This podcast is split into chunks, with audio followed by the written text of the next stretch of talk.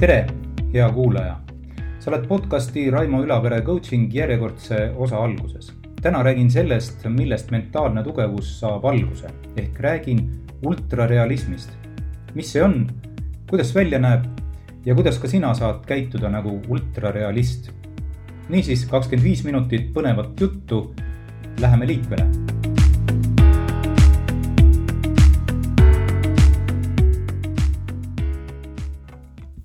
kes meist äh, kasvõi aeg-ajalt ei igatseks, et äh, ma oleks mentaalselt tugevam. et ma suudaks paremini vastu panna tagasilöökidele, üllatustele, üllatustele, mille päris nimi, nagu enamasti ja kiiresti selgub, on hoopis probleem. et ma ei lööks verest välja esimese suure takistuse ees, et suudaks hoida jahedat pead ka keerulisemates olukordades. lühidalt, kes meist ei unistaks, et ma oleks mentaalselt tugev või vähemasti tugevam kui praegu. sellest, kuidas olla mentaalselt tugevam, äh, täna räägingi. räägin ühest äh, konkreetsest mudelist, äh, metoodikast, arusaamast, mis mind ennast kõnetab ja millesse ma ka päriselt väga usun. räägin sellest üsna konkreetselt ja nii, et saaksid sellest jutust ka endale nagu öeldakse, tööriistad, et ennast mentaalselt tugevamaks kasvatada või arendada. seega miski pole nii, nagu näib, on üks arusaam, mida ma viimasel ajal olen äh, proovinud endale aeg-ajalt äh, meelde tuletada. seda eriti siis, kui äh, näen teisi inimesi ennast kuskil eksponeerimas, noh, sotsiaalmeedias, ajakirjakaanel või mujal. idüllilisena näiv elu, töö pole sageli päris selline, nagu ta välja paistab. ehk tänase jutu kontekstis ka kõige tugevamana näivatel inimestel on omad kõhklused, omad kahtlused meil kõigil. nagu mitmed teist äh, kuulajatest on ilmselt juba märganud äh, varasematest podcast'i osadest, olen seoses oma tööga sportlastega tavapärasest enam süüvinud äh, sellesse samasse teemasse, mis on siis mentaalne tugevus. mis see on, kuidas tekib, kuidas kaob ja kuidas seda arendada ning mida enam ma sinna sisse olen vaadanud, seda no ühelt poolt keerulisemaks on see justkui läinud mentaalse tugevuse, psühholoogilise tugevuse alla võib tõepoolest liigitada suure osa inimeseks olemisega kaasnevatest nähtustest. no alates äh, tagasilöökidega toimetulekust kuni, äh, kuni järjekindluse või enesedistsipliinini.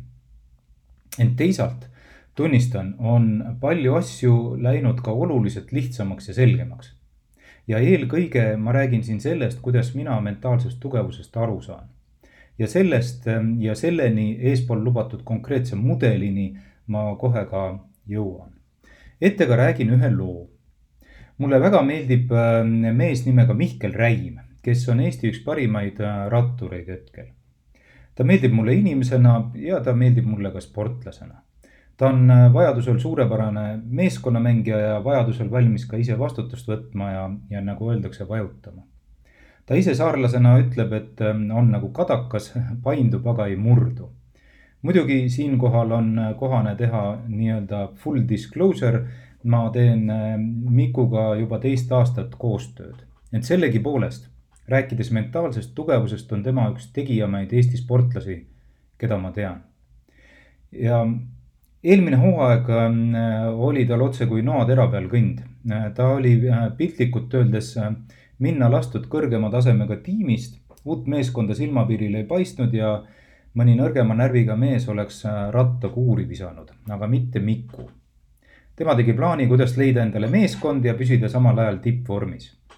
ja, ja muidugi sihiga jõuda taas äh, maailma ratturite koorekihti ja üks konkreetne näide, enne eelmise aasta grupisõidu Eesti meistrivõistlusi rääkisime Mikuga äh, päris pikalt telefonis ja Miku ütles, ma lähen võitma.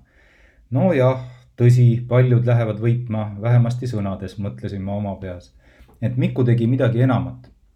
me käisime selle telefonikõne ajal läbi terve sõidu, mida teha siis, kui keegi ära läheb, millal rünnata, millal tagasi hoida, kus on Miku tugevused, kus on tema riskid, nõrkused, millised on tema šansid ja mida ta peab tegema, et need positiivsena realiseeruksid.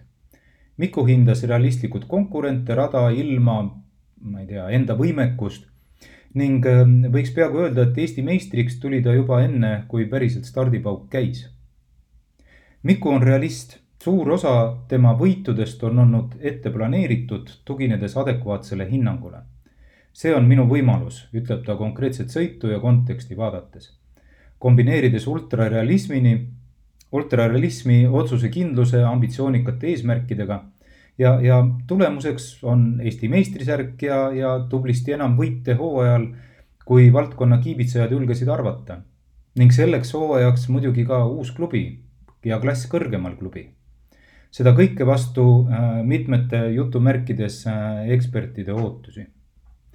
noh, see on, eks ole, sport ja sportlase elu, et, et ma räägin siia ühe teise loo veel otsa mõned aastad tagasi tegin ühe rahvusvahelise suure joogikontserni juhtmeeskonnaga coaching ut. istusime ja toimetasime mõnusasti hotelli seminariruumis, noh, teemaks oli organisatsiooni strateegia. kui järsku hakkasid osalejate telefonid värisema ja täitusid hüüumärke täis sõnumitega.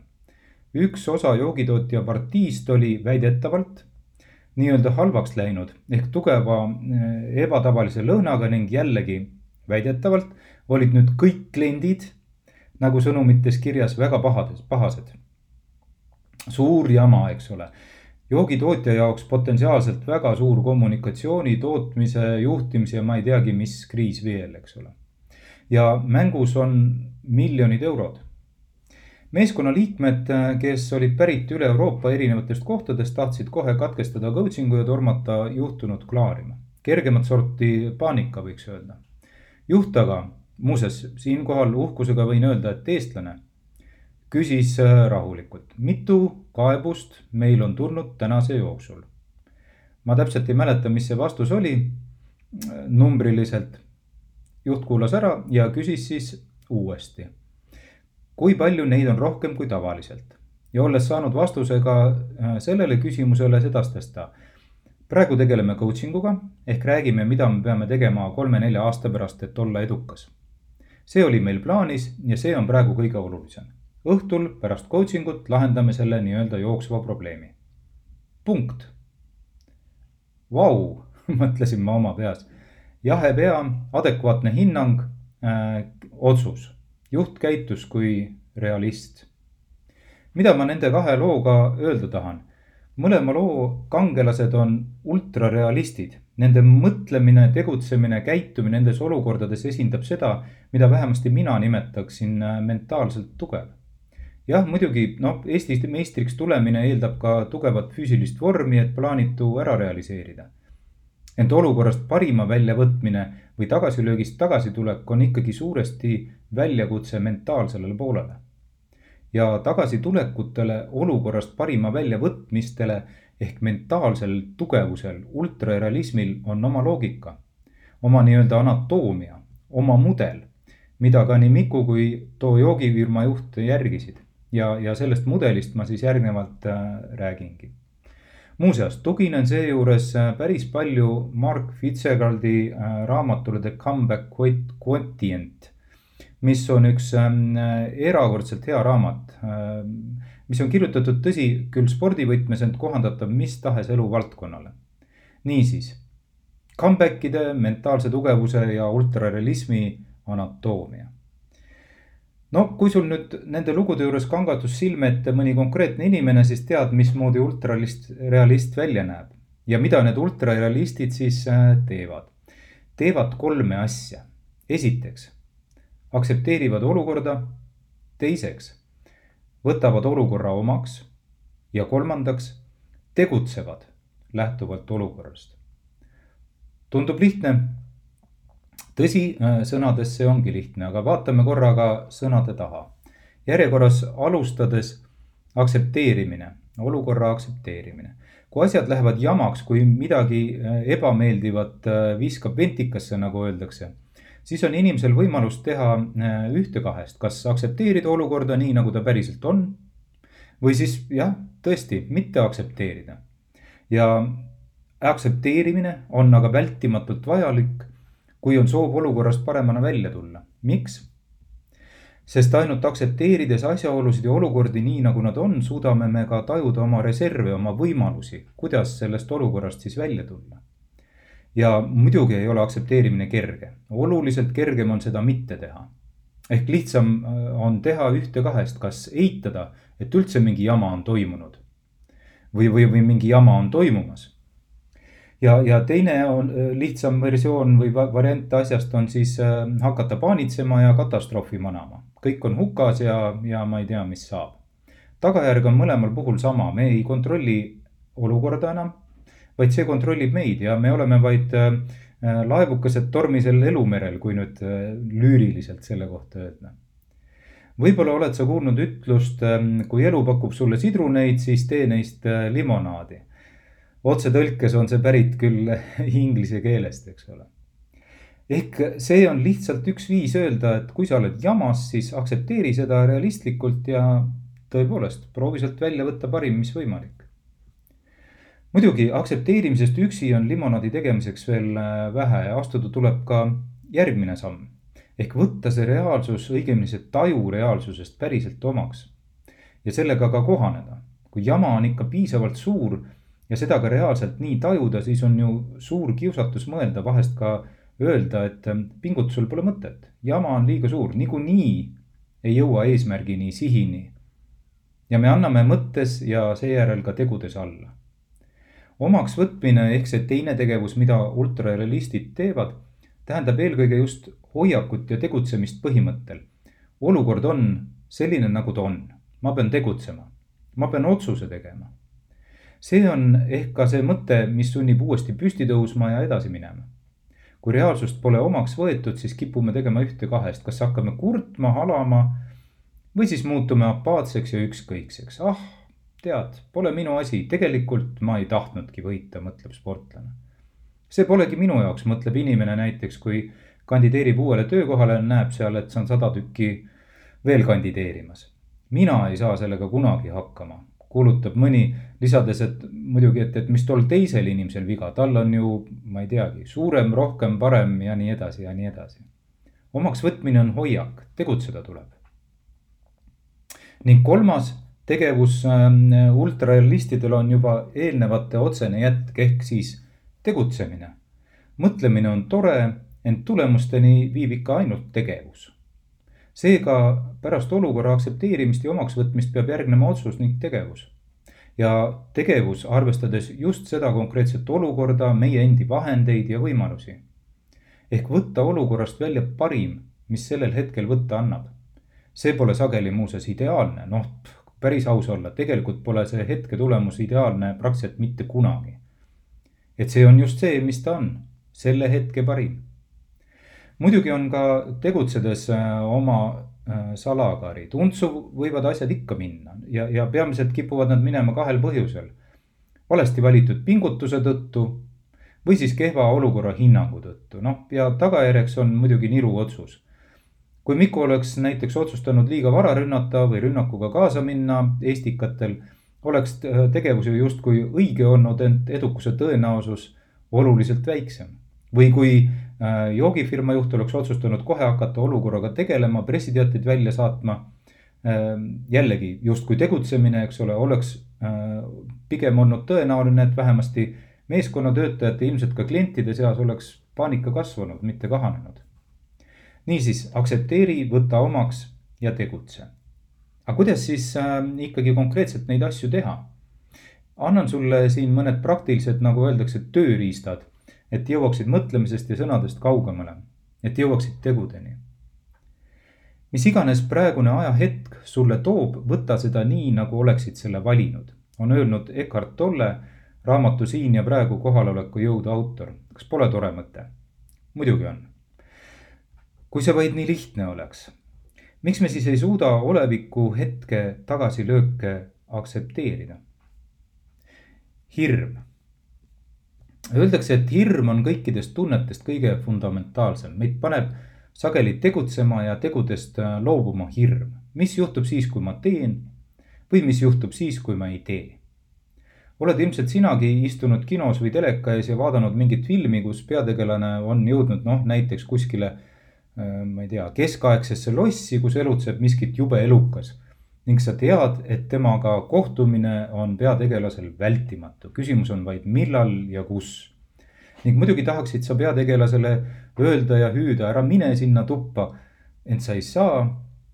ja siis suled sa silmad, sest nii on lihtsam. midagi sarnast toimub mõnikord ka meiega, kui meid tabab tagasilöök või ees ootab mingi raskemat sorti väljakutse, paneme silmad kinni ja äkki läheb mööda hirmutavatest asjadest äh, mööda või eemale vaatamine on inimlik ja loomulik. me teeme seda enda kaitseks, et vähendada hirmu kui ka kaitsta ennast valusa reaalsuse eest.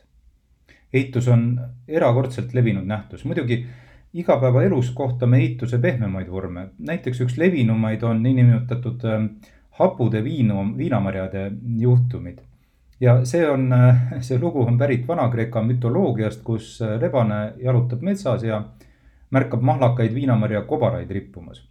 ja rebane keskendub, võtab hoogu ja üritab napsata puu otsast ihaldatud marjakesi, ent äh, ebaõnnestub. ta proovib veel paar korda, kuni loobub ja pomiseb. ah, nad on nagunii hapud. hirm kardab päevavalgust ehk teadlikkus enesest ja oma tegutsemise põhjustest äh, on ehk see, mis aitab äh, paremaid ja realistlikumaid otsuseid teha. mida ma päriselt kardan?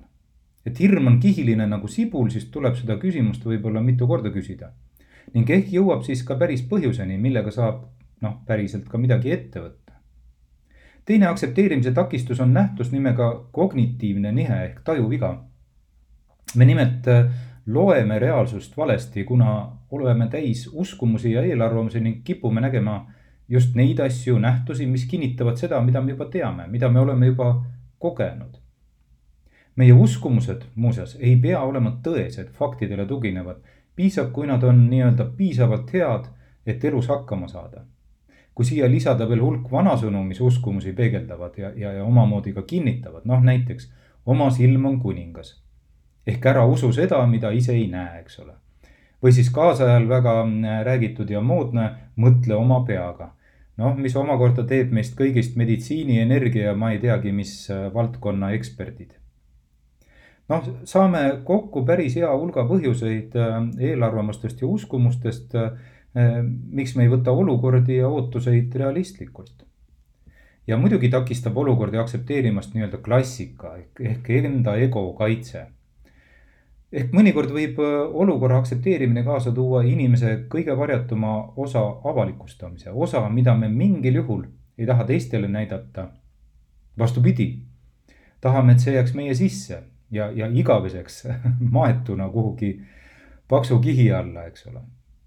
sest selle avalikustamine kahandaks justkui meie väärtust äh, teiste silmis, kuid muuseas ka meie endi silmis suusataja sprinter Petra Maidits võistles Vancouveri olümpial sprindis murtud ribide ja, ja, ja sisemiste vigastustega. ja võib-olla mäletad ka neid sõite, mina igal juhul äh, mäletan ja, ja kokkuvõttes ta tuli sprindis pronksile. vigastused olid tekkinud soojendussõidul äh, kukkumisest, aga, aga see kõik ei peatanud Maiditsi äh, ja pärast võistlust, kui temalt selle kohta päriti, siis ta ütles midagi sellist. sa tead et see ei saa olema kerge. sa hakkad kannatama. aga see pole see, mis on tegelikult tähtis, ütles Maidits.